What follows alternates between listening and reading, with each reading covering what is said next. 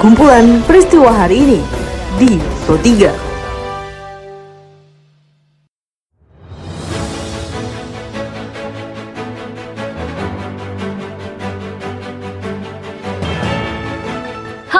pendengar, saat ini Anda sedang mendengarkan kumpulan peristiwa Pro 3.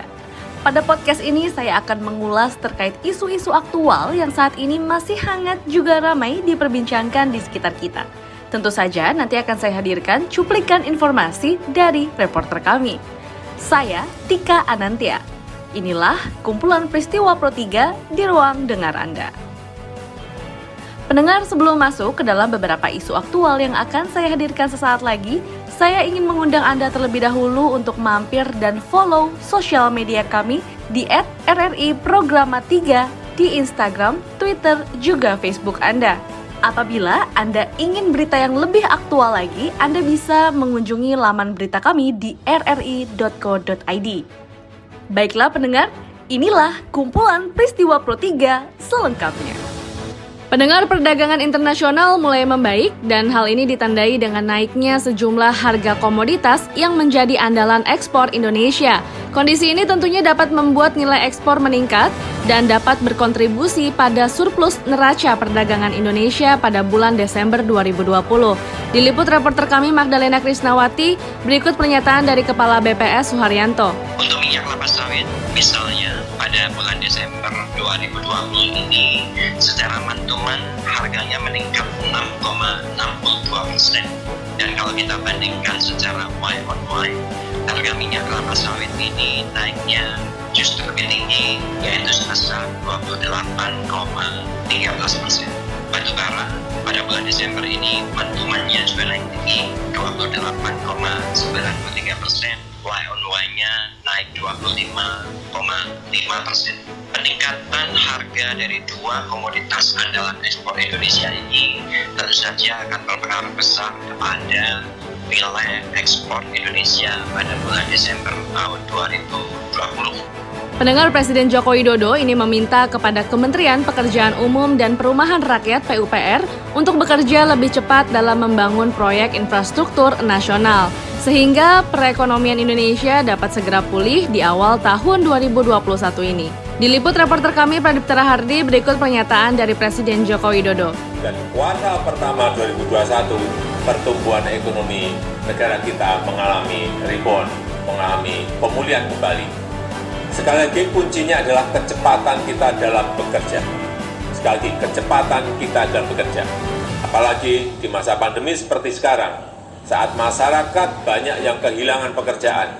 Kecepatan kita mengeksekusi pekerjaan, terutama proyek-proyek yang padat karya, sangat dinantikan dan sangat membantu meringankan beban masyarakat, terutama menyediakan lapangan pekerjaan yang banyak. Komisi 3 DPR RI akan segera melakukan uji kepatutan dan kelayakan calon tunggal Kapolri, Komjen Listio Sigit Prabowo. Menurut dari Wakil Ketua Komisi 3 DPR RI Herman Heri, institusi kepolisian Indonesia butuh Kapolri yang reformatif, negarawan, dan juga merangkul semua kalangan.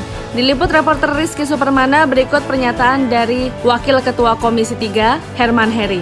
Kami di Komisi 3, figur Listio Sigit adalah figur reformatif. Kami berharap jenderal muda ini bisa membawa pembaharuan di tubuh Polri. Jenderal muda ini bisa menjadi seorang pimpinan Polri yang negarawan, yang bisa mengakomodir semua pihak, artinya semua angkatan di Polri dengan sistem profesional dan bisa merangkul senior dan junior, mempersatukan dan mensolidkan institusi Polri. Informasi lainnya pendengar, penerima vaksin mengaku tidak mengalami gejala apa pun pasca divaksinasi. Diliput reporter kami Rini Hairani berikut pernyataan dari Kepala Puskesmas Kayu Ringin Jaya Bekasi Selatan, Dr. Gigi Ariska Agustina. Kemarin dokter sudah divaksin, dia. Nah, bagaimana pasca divaksin dan per hari ini kan ya, ada gejala atau seperti apa? Uh, iya, kemarin saya divaksin jam 11.00 di lengan kiri atas dengan uh, dosis 0,5 vaksin Sinovac. Dan gejala awal mungkin seperti vaksin-vaksin biasa ketika saat disuntik uh, ada pegel-pegel sedikit, agak uh, apa ya kebas sedikit, tapi nggak nggak apa ya hampir tidak ada rasa apa-apa. Dan uh, alhamdulillah nggak ada demam nggak ada batuk sesak uh, misalnya mual itu nggak ada sama sekali dan pagi ini juga alhamdulillah saya sehat nggak ada gejala apa-apa. Baiklah pendengar, informasi tadi sekaligus mengakhiri perjumpaan kita pada podcast edisi hari ini. Anda masih bisa tentunya mendengarkan podcast edisi hari ini di Spotify dengan hanya mengetik Pro3 RRI di kolom pencarian Anda. Saya Tika Anantia beserta tim editor kami Karisma Rizky undur diri. Sampai jumpa. Perjalanan ibu kota DKI Jakarta masih Kumpulan peristiwa hari ini di Pro 3.